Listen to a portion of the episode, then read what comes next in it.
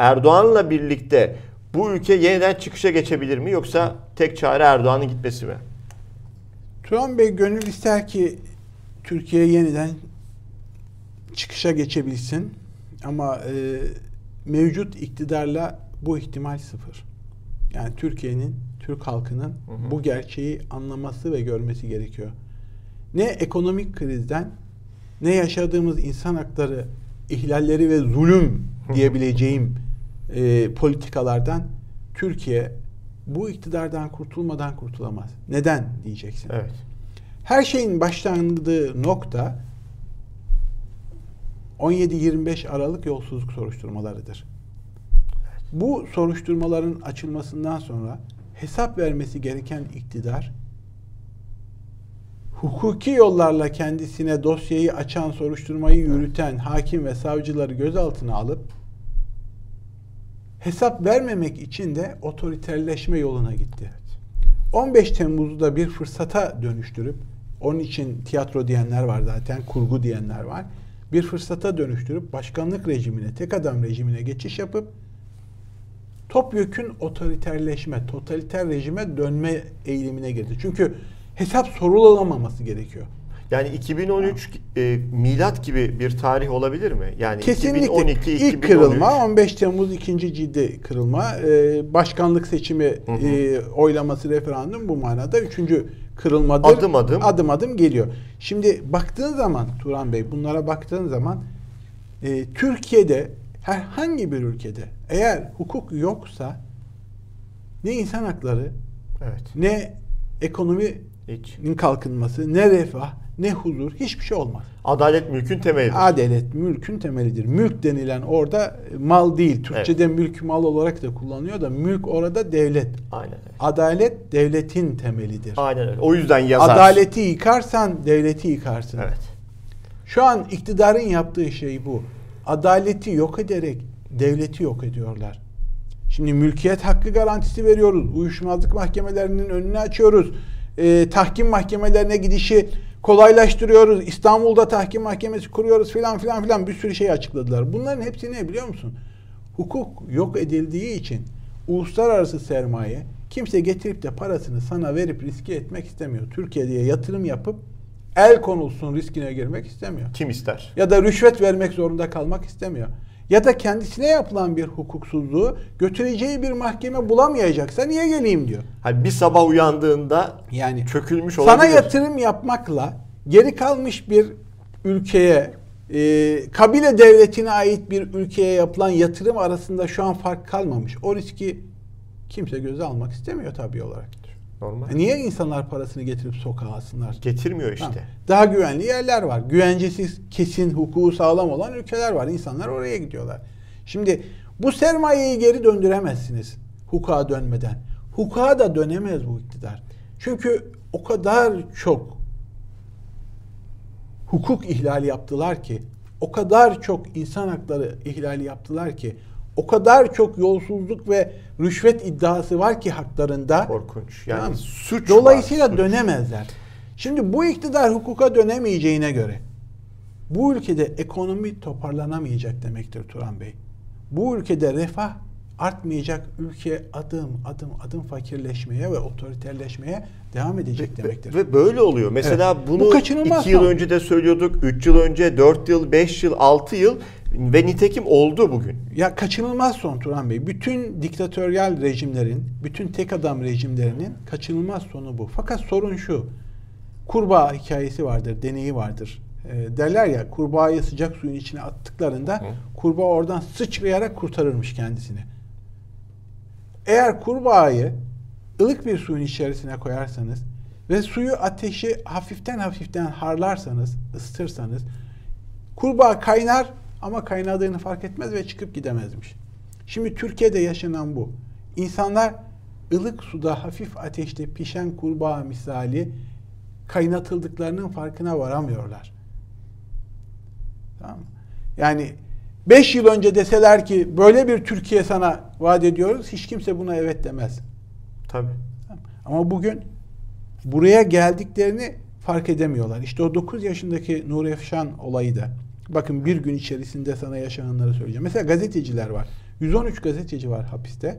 Hala hazırda. Hala. Evet hala yüzün üstünde.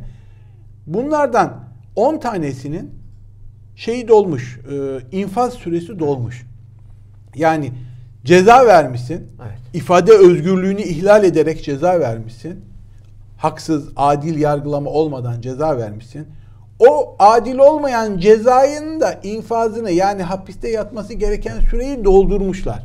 Yani artık şey kısmını söylemiyoruz. Yani bu gazeteciler masum demiyoruz. Hadi suçlular cezalarını da çekmişler. Çıkmaları Evet. gerekiyor. Bunları tahliye etmiyorlar. Bırakmıyorlar şu an. Bırakmıyorlar. Ve bunlar tek vaka değil. Ee, dün BBC'de bir haberle karşılaştım. Ee, 50'nin üzerinde insan var. Bunlar arasında Kürt e, gazeteciler e, ya da işte HDP ile ilgili gözaltına alınmış isimler var var. belki. Siyasetçiler de var. E, 50'nin üzerinde insan hükümlü hakkında verilmiş kararlar var ve savcı kararıyla bunlar tutuluyorlarmış Turan Bey. Bir komisyon alır gibi kurulmuş. değil ama. Başında savcı varmış. Savcı diyormuş ki e, bu yeterli gayret göstermediği, pişmanlık duymadığını düşünüyorum. Yatmaya devam etsin. Şimdi bu normalde hukuk devleti değil. Adını net koyalım. O işte Yani- hani dedi ya eylem planına geçeceğiz yok işte adil yargılama olacak tutukluluk süresini azaltıyoruz bilmem ne bilmem ne bilmem. Ya kardeşim somut vakalar Yani var işte kimse diyor. kimseyi kandırmasın. Ya yani. kimse kimseyi kandırmasın Burası yani. hukuk devleti değil yani. Değil. Kimse böyle yapamaz. hukuk Şimdi ben devleti. sadece bir gün içerisinde karşıma çıkan bir iki olay vardı böyle arka arkaya geldiği için e, ilgimi çekmişti. Mesela Eren Keskin tweet atmış. Mehmet Emin Özkan 82 yaşında 25 yıldır cezaevinde ağır hasta ancak resmi bilir kişi adli tıp cezaevinde kalabilir raporu verdi. Yaş İnsan 85. hakları eylem planı öyle mi? diye de Yaş sormuş. 85. Yaş 82. 82 ağır hasta. Ağır hasta. 25 yıldır zaten tutuklu. Tamam mı? Ama içeride tutmaya devam ediyorlar. Bakın. Evet. e, bir baba tweet atmış. E, Sayın Ali Babacan, benim oğlum Yusuf Bilge Tunç da kaçırıldı. 19 aydır oğlumdan hiçbir haber alamıyorum. Bu nasıl bir şey? Yargı yargısız infaz yapıyor. Yardımcı olun ne olur? Yaklaşık 2 senedir Evet, iki bir senedir baba Yani- transporterla kaçırılmış bir baba devlet tarafından kaçırıldığı için de devlet soruşturulmuyor. Çünkü şimdi baba devlete gidiyor. Diyor ki benim oğlum nerede? Şimdi çok basittir. Öldü Allah korusun. Tutukladık. Cezaevinde vesaire. Nettir yani. Ama bu öyle bir durum ki yok diyor yani yok. Kamera görüntüleri var. Yani tespit edilmiş arabaya bindirme vesaire görüntüleri var ama kişi yok. Çünkü sorduğun kişi kaçırmış. Devlete soruyorsun. Ve soruşturtmuyor. Evet, bizi. soruşturtmuyor. Aynı e, cumartesi annelerin yaşadığı Evet. o ağır dram gibi. Şimdi ha, bu arada o eylem planında şey de var Turan Bey. E, şiddet içermeyen e, toplu gösteri e, gösterilere izin hakkı. Zaten hak. Hak zaten uygulanmıyor da Eylem hakkı var yani insanların. e, zaten uygulanmıyor. E, AKP dışında ya da AKP'ye destek dışında bir miting de yapamıyorsunuz. O ayrı. O ayrı. Tek başına bak bırak topluyu. Tek başına KHK'lıların çıkıp meydanda işimi geri verin diye pankart tuttuklarında şiddet mi hiçbir şey yok. Hatta Onlara bağırmıyor. müdahale ettiler. Şu durmak yasak Ya, mesela. Onları alıyorlar ikide bir gözaltına. İşte hatırlayın askeri öğrenci annesi vardı tutuklu. Melek Çetinkaya. Melek Çetinkaya. Kadıncağız tek başınaydı. Onu da Evet. gözaltına aldılar, içeri attılar sonrasında da. Şimdi bir başka önüme düşen ilginç bir haber. Hani askıda ekmek biliyorduk. Çok tartışıldı. Sonra doğru oldu ortaya çıktı. İnsanların da onun için kuyruk oldu. Halk ekmek bunu duyduk. İnsanlar ucuz diye, daha ucuz diye halk ekmek kuyrukları, çorba kuyrukları. Bunların hepsini gördük ama Evet. yeni bir haber ilk defa benim dikkatimi çekti. 50 kuruşa bayat ekmek. İstanbul'da talep arttı. Çok acı. Evet. Yani bu hale gelinmesi çok acı. Evet. Dedim ya Çok kurbağa acı misali. Evet. Ee, ağır ağır piştiği için insanlar ne olduklarını anlayamıyorlar. Çok acı yani. Bu ülke fakirleşiyor. Hukuk yok edildiği için fakirleşiyor. Ve bu ülke bu iktidarla hukuka dönemez. Hukuka dönemeyeceği için de ne ekonomi düzelir Evet. ne de insan hakları düzelir. Bu iktidardan kurtulmazsanız, bu iktidara siz bu otoriter yapılanma ve rejime hukuku yok sayan, keyfi davranan bu yönetime dur diyemezseniz parçası olursunuz. Kendi kendinizi yakarsınız. Bu kadar basit. Oy vermeyeceksin. Yani. Sandıkta Bu hesabını kadar soracaksın. basit. Bakın bir taraftan işte 50 kuruş olduğu için bayat ekmeğe şey devam ediyor. Ali Babacan çok tartışıldı gerçi de açıklama yapmış. Merkez Bankası'nın 130 milyar dövizini tükettiler. 140 milyar dolar borcu da var üstüne. Para basan kurum borçlu olur mu? Bunu da yaptılar. Ülkeyi bu duruma düşürdüler diyor. Ya öyle örnekler ki bunlar. Yani şu şu kısacık şu programda bile ya verdiğimiz örneklerin her biri aslında koskocaman büyük devasa skandallar. Yani biz bir programa 5-6 tanesini sığdırdık yani. Evet. Şimdi bu 130 milyar işi çok ciddi bir iş. Çok Turan Bey. ciddi bir iş, Yani ondan bunu, e, hesabı verilmiyor Turan Bey. İşte Siz bu 130 milyar dolar ya 130 milyon demiyorum. 130 milyar bin lira demiyorum. Milyar dolar. 130 milyar dolardan bahsediyoruz Turan Bey. 130 devletin kasasında, rezervinde mevcut olan yok edilmiş bir paradan bahsediyoruz. Yani- Ve bu, bu paranın kayıtları var diyor. Açıkla abi kime sattın? Kime sattın? Herkes, Herkes bunu bu soruyor soruyu şu an. soruyor. Evet. Kime Sen sattın? bu parayı kime kaça sattın? Çünkü kayıtsız Çünkü- yapamazsın. Tabii. Şimdi gelinen noktada geçen iki program önceydi zannedersem Eser Karakaş profesör e, sizin yayınlarınızda söylüyordu Tarık Bey'le olan yayında. Özgür Düşünce programında. Özgür evet. Düşünce'de evet. E, bu satıştan benim hesabıma göre birileri 50 milyar kar elde etti diyor. Kim? Tamam mı? Bak, Soru bu. Tabii. Müthiş bir para çünkü. Yani- 50 milyar Yani dolardan sen bahsediyor. çünkü Merkez Bankası düşük kurdan doları vermiş. Dolar e, piyasada yükseldiği için adam o fiyattan satıp Merkez Bankası'nı zarara sokmuş. Tabii bu iktidar dokunulmaz ve sorgulanmaz olduğu için de biz bunu öğrenemiyoruz Evet, şu an. Berat'ı görevden apar topar aldınız ya da Berat apar topar istifa etti. 100 günü aşkın süredir de yüzünü gösteremiyor. Evet. Tamam mı? Orada da bir dolap Ya dönüyor. ya ya yüz deformasyonuna uğradı, dayak yedi, bilmem ne yaptı, e, yüzünün düzelmesini bekliyor ya da e, sokağa çıkacak yüzü yok. Yüzünü gösteremiyor. Bunları bilmiyoruz ama orada da bir Evet. dolap dönüyor. Onu bir şey biliyoruz. var. Bu Berat'ın yönetiminde olduğu, sonrasında onun Merkez Bankası Başkanı'nı da görevden aldınız. Bu 130 milyar dolar harcamayı yapanı. Ama bu 130 milyar doların nereye gittiğini açıklayamıyorsunuz. Ya bundan daha büyük sıkıntı olur mu? Yani bu para kimin ya? Hele şu pandemi döneminde esnaf kan ağlarken Ya insanlar aşı alacak paran yok Turan Bey. aşı alacak paran yok. Senin bu parayı insanına harcaman lazım. 130 milyar nedir biliyor musun Turan Bey? Kimin parası bu? Ya halkın parası, kimin parası? Merkez Bankası ailenin kasası değil ki. Merkez Bankası Berat'ın şahsi hesabı Değil değil, ki. Merkez Bankası Merkez Bankası Başkanı'nın özel şirketi değil ki.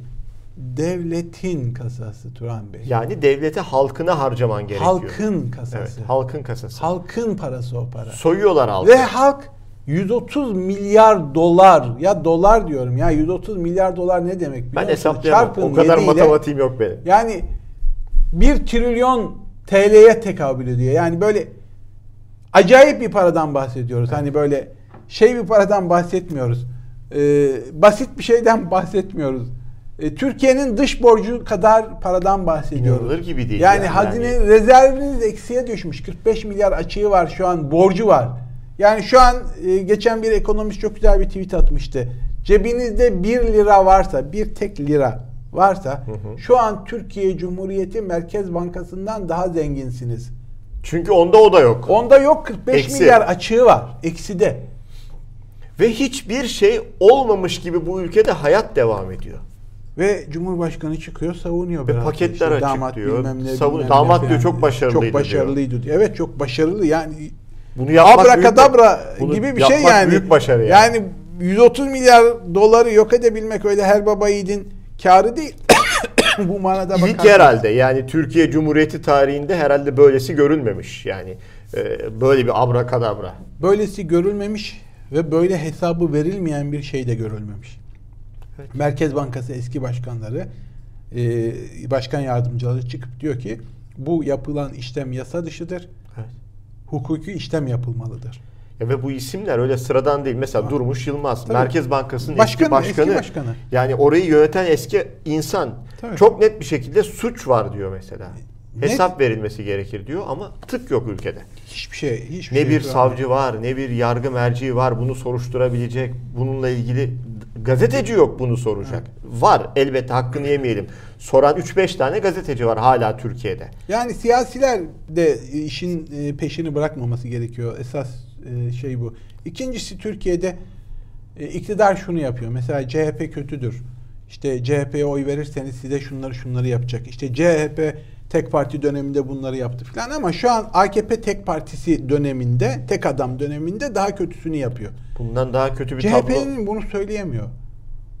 Yani siz bunu halka tekrar etmek zorundasınız. Ve şu gerçeği halka aşılamak ve anlatmak zorundasınız. Bu iktidarla Türkiye düze çıkamaz ancak daha fazla uçuruma yaklaşır. Nokta.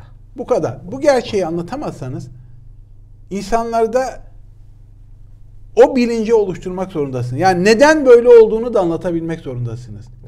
Yani Türkiye niçin geriliyor? Türkiye niçin fakirleşiyor? Türk halkı niçin fakirleşiyor? Yani milli gelir niye düşüyor? Bizim 130 milyar rezervimiz vardı, övünüp duruyorduk da niye şimdi 45 milyar dolar borçluyuz? Mesela kişi başına düşen milli gelirde neden 2004'e geriledik, neden 2003'e geriledik diye sorması gerekiyor her bir vatandaşın. Kesinlikle. Ben adım adım niye fakirleşiyorum kardeşim? Bak, daha açalım. Yani ben gerçi ekonomist değilim. Ekonomi iki tane ekonomi hocamız var artık. Onlar varken de böyle sizin kanalda bu konuda konuşmak hiç hoş gelmiyor bana ama. Yapmayın ya.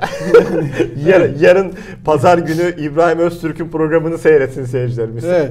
Olsun hadi ben birazcık izin vereceğim size. Ben ben sadece Tamam. e, dediğimiz şeylerin içeriğini anlatabilmek için söyleyeceğim. Turan Bey bu ülkede faiz kaça çıktı? Yüzde 17 şu an. İnanılmaz bir rakam bu. Dünyada, Anlatıyor ekonomistler. dünyada, Dünyada, En, en yüksek faiz veren Evet. ülkelerden bir tanesi. Avrupa'da neredeyse sıfır bu arada. Ee, biliyorsunuz. Avrupa'da sıfır. Ee, geri kalmış birkaç ülke var işte onlar bizden daha yüksek. Biz de şu an dünyada e, 9'luk daha yukarı çıktık mı bilmiyorum. Dünyada 9'uz yani. Ha bize dünya birincisi olmak yakışır diye e, saf zihinler olabilir öyle değil. En yüksek faizi Öyle vermek bir başarısızlıktır. Evet. Ee, yanlış anlaşılmasın. En düşük faizi vermek başarılı ekonomi olduğunuzu gösterir. Şimdi bu yüzde 17 demek faizdeki her artışın Türk halkına bindirdiği yük yani Türk halkının e, getirip parasını Merkez Bankası'nın tahvilini alıp da Türkiye'ye yatıran adama dolara ödeyeceği yüzde bu. Bunun Türk halkına getirdiği yük 150 milyardı Turan Bey. Her bir yüzde dilimin. Tamam mı? Şimdi düşün. Avrupa'da sıfır, Türkiye'de 117. Bu şu demek. Bir Almanın, bir İngiliz'in, bir Fransız'ın, bir Amerikalı'nın ödediği yük üzerlerinde sıfırken vatandaş olarak Evet. Türk halkının üzerinde çarpın 150 milyarı 17 ile bu faizi ödemek için üzerinizde bu kadar yük var. Bu sizden alınan vergilerle, sizden alınacak vergilerle ya da size harcanması gerekirken size harcanmayıp Evet. o para sahiplerine ödenecek para demek. Çok güzel söylediniz. Tamam mı? Size harcanması gereken halk hep iş oraya geliyor. Halkın parası. Şimdi bunu niye %17'ye yükselttiler Turan Bey? Dediler ki 130 milyar dolar rezervimiz vardı. Tükettik. Zaten 45 milyar açığımız var. Para satarak ya da parayla bu işi yapamıyoruz. Ee, kamu bankalarına devredip ya da işte özel insanlara zaten götürdük götürebildiğimiz deniz bitti. E ne yapalım? Faiz yükseltmemiz lazım. Faiz yükseltirsek dövizi stabil tutabiliriz, düşürebiliriz. İlk birkaç gün öyle oldu gerçekten. Birkaç hafta. Biraz düştü dikkat düştü. ederseniz döviz. Şimdi döviz tekrar yükseldi Turan Bey. Ve biliyor musun? Dövizdeki her 10 sent artışın Türkiye üzerine bindirdiği miktar da bir 150 milyar dolar. Ve maalesef ekonomistler Yani- bunu tutamayacaklarını Evet. söylüyorlar. Yani dövizi. 150 değil. Şu an Evet. hem faizi arttırıp hem döviz arttığı için Türk halkının üzerindeki borç yükü, Türk halkının vergisi üzerindeki yük, Türk halkının kendisine harcanması gereken para üzerindeki yük artıyor. Şöyle düşünün. Siz 7-24 çalışıyorsunuz. almanız gereken e, para 1000 lira örnek ya da aylık maaş 5000 lira örnek söyleyeyim. Patron diyor ki bunun diyor şu kadarını faize, şu kadarını da dövize vermek zorundayım. Sana ancak 1000 lirasını verebilirim. Senin maaşın 5000 olması gerekirken, ödemem gerekirken Evet. o 5000'in 4000'ini ben zenginlere ya da işte e, döviz farkına vermek zorundayım. Sen 1000 lirayla geçinmeye bakacaksın diyor. Tamam mı? Yani bu kadar net yani bu para sizin paranız. Bu para bizim paramız. Bu para halkın parası. Bunu net olarak onun için faizin düşük olduğu ülkelerde refah daha yüksek. Dikkat edin. Bu kadar basit aslında. Refah denklem. yüksek olduğu için faizi düşük değil. değil. Hukuk olduğu için, insanların teminatı güvencesi olduğu için yatırımlar o ülkelere gidiyor. O ülke yönetimleri de şeffaf oldukları için, hukuk önünde hesap verebildikleri için itibar elde ediyorlar, güven veriyorlar, güven telkin ediyorlar ve karşılıklı olarak ülke refah içerisinde yaşayabiliyor. Türkiye'de ise tam tersi. İktidar güven vermiyor. İktidar popülist söylemlerle, ulusalcı söylemlerle halkın zihnini bulandırıyor. Yalan dememek için uğraşıyorum. Ee, politikalarla aldatıyor halkını. Algı operasyonlarıyla aldatıyor halkını.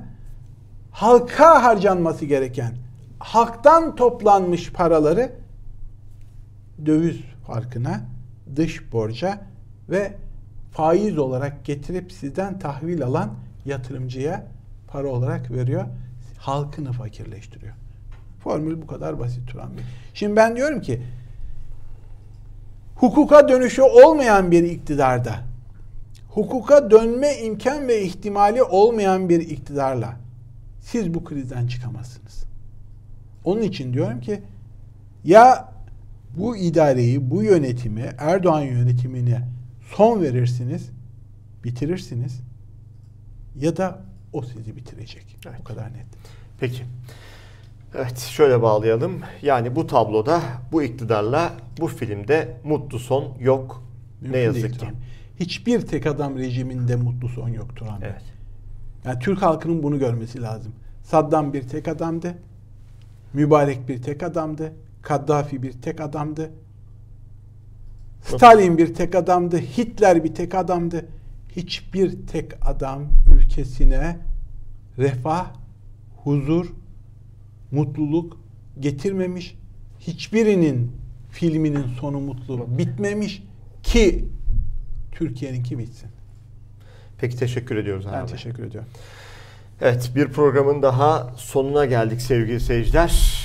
Haftaya yine cumartesi günü yeni perde arkasında daha görüşmek üzere diyelim.